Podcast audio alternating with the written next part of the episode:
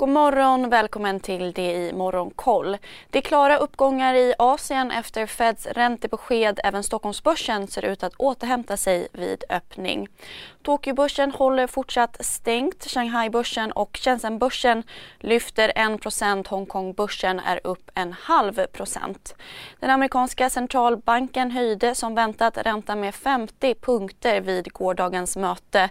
Börserna på Wall Street steg under presskonferensen då Fed-chefen Jerome Powell meddelade att Fed inte aktivt överväger en höjning om 75 punkter.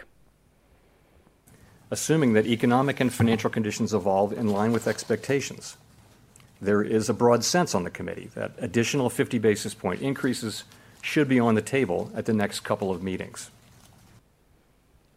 S&P 500 stängde upp 3% och Nasdaq 3,2% Den amerikanska tioårsräntan backade 8 punkter till 2,92% på beskedet.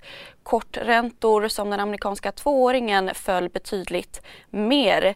Bland eh, enskilda bolag eh, så presenterade Sinch-konkurrenten Twilio bättre rapport än väntat efter stängning.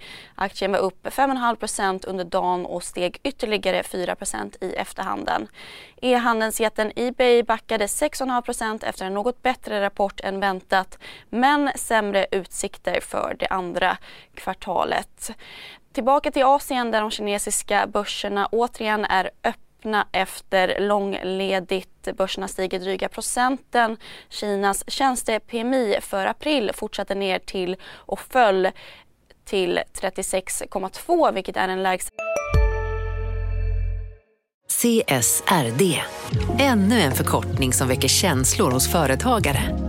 Men lugn, våra rådgivare här på PWC har koll på det som din verksamhet berörs av. Från hållbarhetslösningar och nya regelverk till affärsutveckling och ansvarsfulla AI-strategier. Välkommen till PWC. nivån sedan tidigt 2020. Japan kan ge finansiellt stöd för ökad produktion av flytande naturgas i USA som en del i att minska energiberoendet av Ryssland efter landets invasion av Ukraina. Japans minister för ekonomi, handel och industri ska möta USAs energiminister idag. Så Sverige, där förpackningsbolaget Billerud Korsnäs redovisar ett betydligt bättre resultat än väntat. Rörelseresultatet landade på närmare 1,2 miljarder kronor.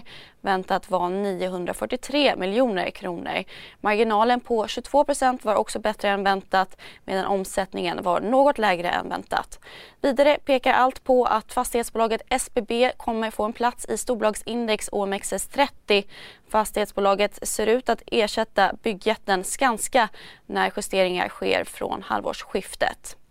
Och storbankerna SEB, Swedbank samt Nordea meddelar att de ännu inte har några planer på att höja räntan på sparkonton som nu ligger på 0 Det skriver TT.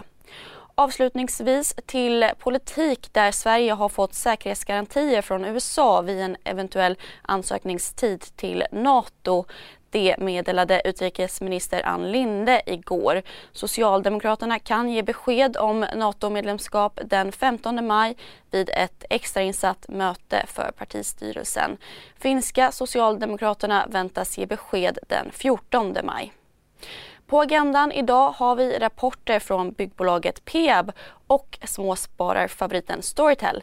Mer om det i Rapportmorgon klockan halv 8 och Börsmorgon klockan 8.45.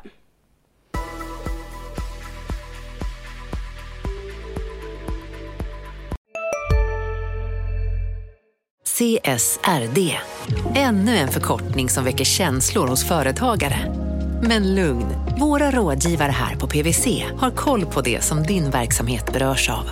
Från hållbarhetslösningar och nya regelverk till affärsutveckling och ansvarsfulla AI-strategier. Välkommen till PWC. Hej, Synoptik här.